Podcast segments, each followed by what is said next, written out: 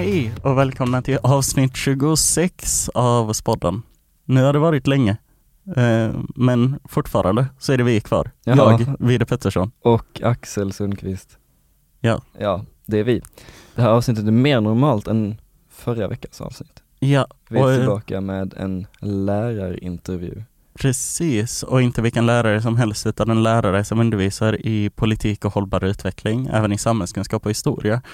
Vilket vi kände kanske är passande nu så här efter valet. eh, att prata lite om och prata med någon som håller koll på sakerna. Och nu sitter vi här med Emilia Beskow Landby. Välkommen! Tack. Vår första fråga är ju vad jag, vad jag minns från att ha haft dig i, i samhällskunskap i ettan så gick du ju här på Spiken. Ja, det stämmer. Um, vilket program gick du och när gick du här? Eh, På den tiden så fanns det inte program utan det hette linjer, så jag gick humanistisk linje. Och eh, jag gick här mellan, eh, började 1993 och tog studenten 1996. Känner du att Spiken kanske har förändrats sedan dess? Ja, det har den. Ganska så rejält faktiskt. När jag började på Spiken så var det en ganska så, vad ska säga, skola som upplevs som lite gammaldags. Eh, De flesta lärarna var närmare pensionsåldern och eh, det var också andra typer av elever, så lite mer liksom stämning som kanske motsvarar dagens katte på den tiden. Vår nästa fråga är, ehm, hur länge har du jobbat här och hur eh, tog du dig ja, men härifrån och tillbaka igen efter studenten? Jag har jobbat här sedan 2004, faktiskt februari 2004 började jag, så jag började inte ens, eh, alltså jag började mitt i ett läsår. Och eh, jag började plugga statsvetenskap direkt efter jag hade tagit studenten. Och det var ju för jag ville bli student. Bor man i Lund och eh, pluggar i, har pluggat på gymnasiet i Lund, vill man ju gärna leva studentlivet på riktigt. Och det ville jag också, så därför så började jag läsa statsvetenskap. Och sen så pluggade jag ju vidare massa olika ämnen, medie och kommunikationsvetenskap en stund och sen så blev det lite historia och sådär, jag visste inte riktigt vad jag ville bli. Och sen till slut bestämde jag mig för att nej men jag tar ett år liksom på Malmö högskola så jag kan bli lärare om jag skulle vilja. Sen så jobbade jag som lärare i ett år och eh, tog sen ett eh, sabbatshalvår och var ute och reste i eh, Sydostasien och Australien då under 2002, 20, eller 2003, 2004. Och sen kom jag tillbaka i mitten av januari 2004 och då helt plötsligt så dök det upp en 50 vikariat på Spiken i samhällskunskap. Så då fick jag den. Uh, och vad skulle du säga är din absoluta favoritkurs att vara lärare i? Du har ju en del.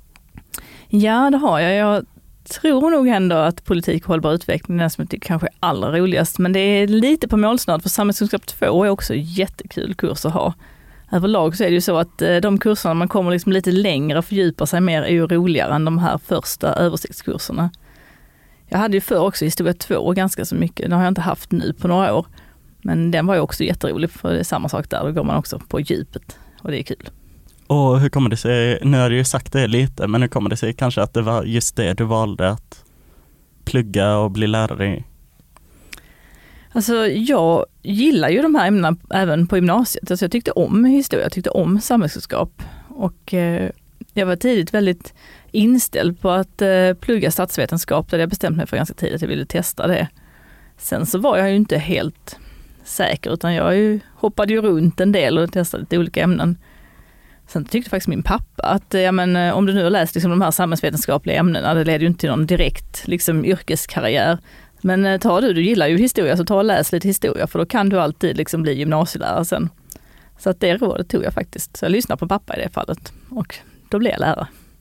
Um, vad skulle du säga är ditt starkaste minne från en lektion eller från en elev eller från någonting som har hänt här? Det är ju jättemycket, det är ju rätt många år jag har jobbat här men eh, om vi tar klasser och elever så hade jag en eh, klass, en NA17 klass, en musikklass eh, i både historia och samhällskunskap. Så jag hade dem under två år och då var de två år och tre år. Och de var ju väldigt roliga att ha. Dels bjöd de på kakor väldigt frekvent på fredag eftermiddagar. Så att det var ju, bara det var ju lite kul. Men sen så var det också en eh, elev där, han eh, var så himla rolig för han lyckades få in Genarp i precis allting, i varenda samhällsanalys och sådär. Så kom han alltid tillbaka till, ja men det är precis som i Genarp, eller i Genarp gör vi så här och sådär. Och det var ju jättekul, så det tänker jag fortfarande på ibland. Just den här liksom att oavsett vad man pratar om så kom alltid han tillbaka till Genarp och kunde dra någon parallell till just Genarp. Har du, har du inkluderat det i din undervisning någonting efter det? Eh, det har nog hänt att jag kanske någon gång har dragit en sån här Genarpsparallell. Det kan nog vara så ja. Eh, och sista frågan som kommer från oss är ehm, du som är lärare i politik och hållbar utveckling, hur tror du att det nyligen fastställda, det fastställdes ju idag mm. för sista gången, valresultatet kan påverka oss ungdomar? Alltså det är ju lite svårt att säga innan vi vet liksom regeringsunderlaget till fullo för att eh, de fyra partierna som då ska bilda eh, underlaget för regeringen, de är inte överens i alla frågor. Och en del av de frågorna påverkar ekonomin ganska så mycket och påverkar er rätt rejält.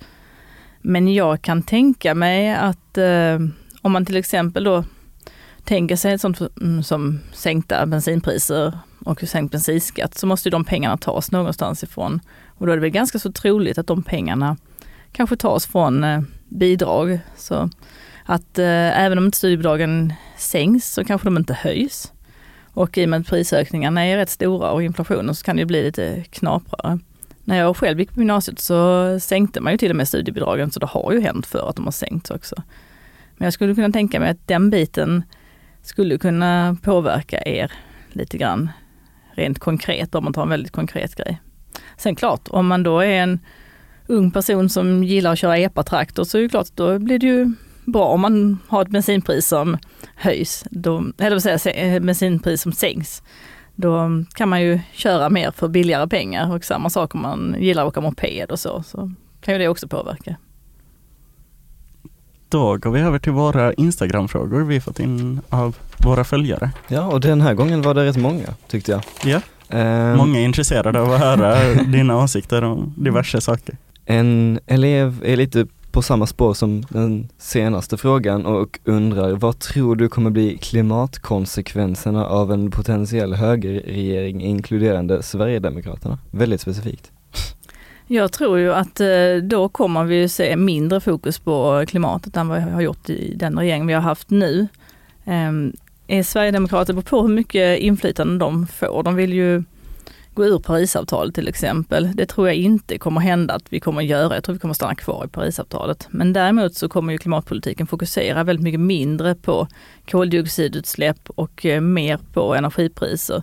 Så vi kommer kanske se att man väljer att lägga pengarna på, som eh, kanske skulle gå till klimatåtgärder, på att bygga kärnkraftverk istället. Och eh, man kommer också minska den här reduktionsplikten för eh, bensinen då så att det blir mindre sådana förnyelsebara bränslen i bensinen. Och förmodligen kommer också bensinskatten att sänkas. Så att det kommer ju påverka klimatet negativt tror jag.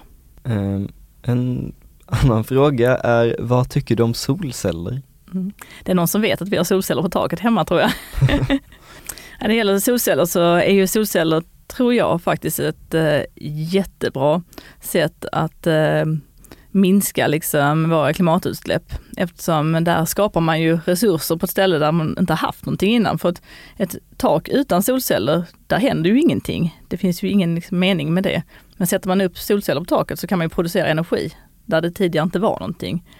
Så det tycker jag naturligtvis är väldigt bra. Sen så rent eh, privat ekonomiskt så är det ju också givetvis så att det gör ju en familj mer liksom motståndskraftig mot olika typer av höjningar så att man har liksom ett inbyggt i huset då liksom motståndskraft mot till exempel höjningar av elpriset, blir inte lika påverkad av det också. Så jag tycker att det är ju en led i att skapa de här motståndskraftiga samhällena som då är liksom beredda att ta hand om alla olika typer av kriser, däribland klimatet. Så det är inte alls dumt.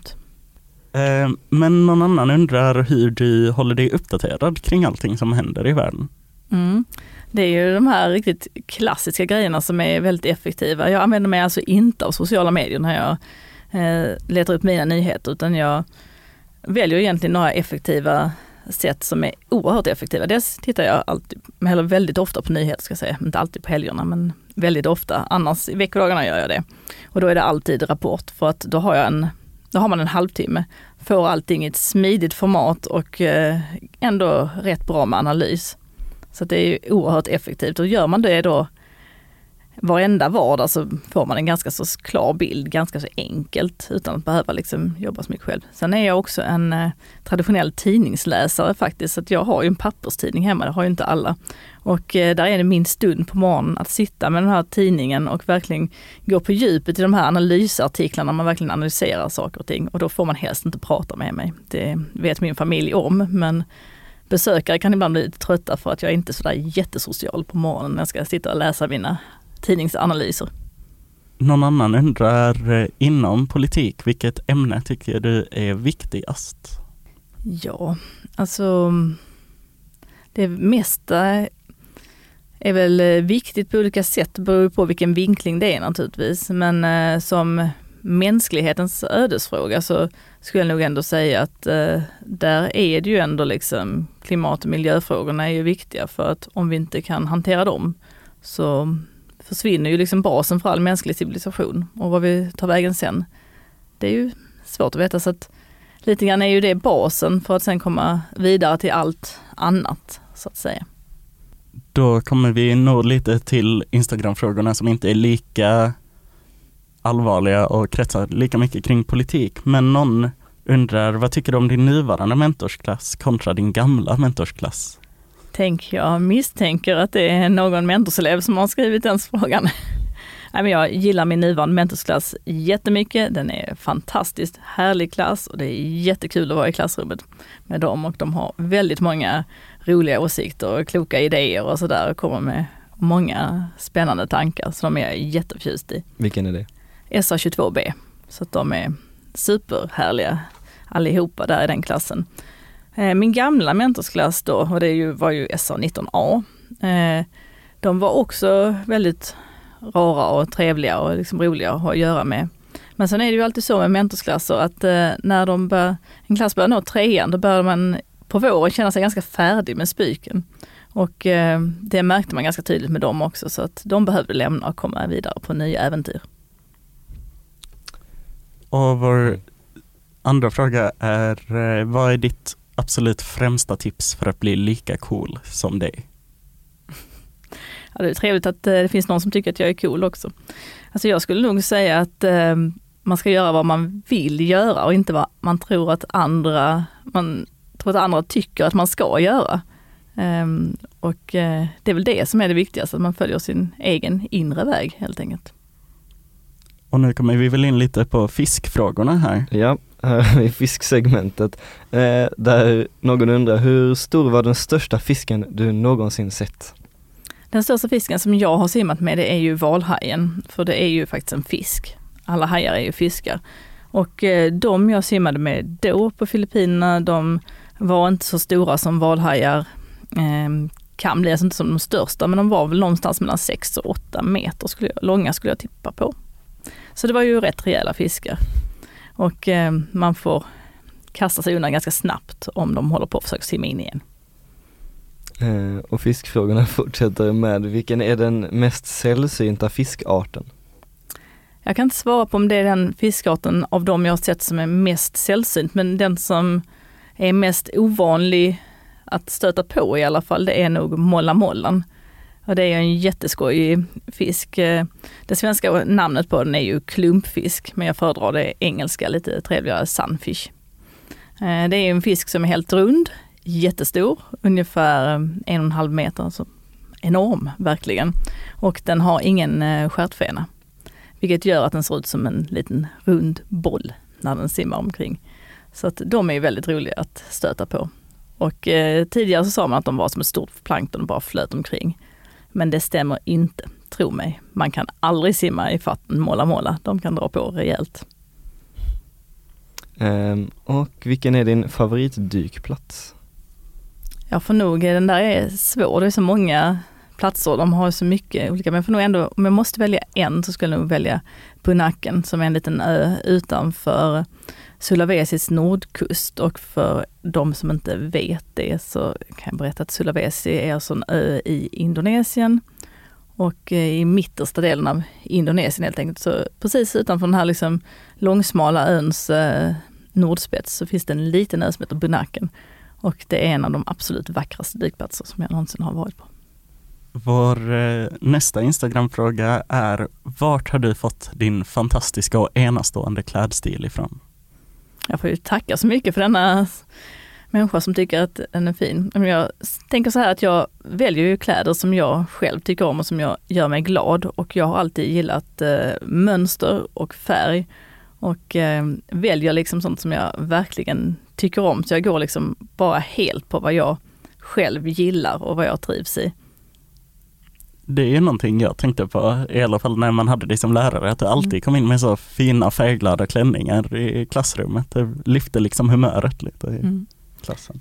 Det lyfter mitt eget humör också. Jag blir lite glad när jag liksom går runt i någonting som jag känner liksom har en inre färgexplosion och framförallt på höst och vinter där man ibland kan känna liksom att vädret är lite deppigt så kan det göra mycket för humöret om man öser på med lite färg. Det kan jag tänka mig.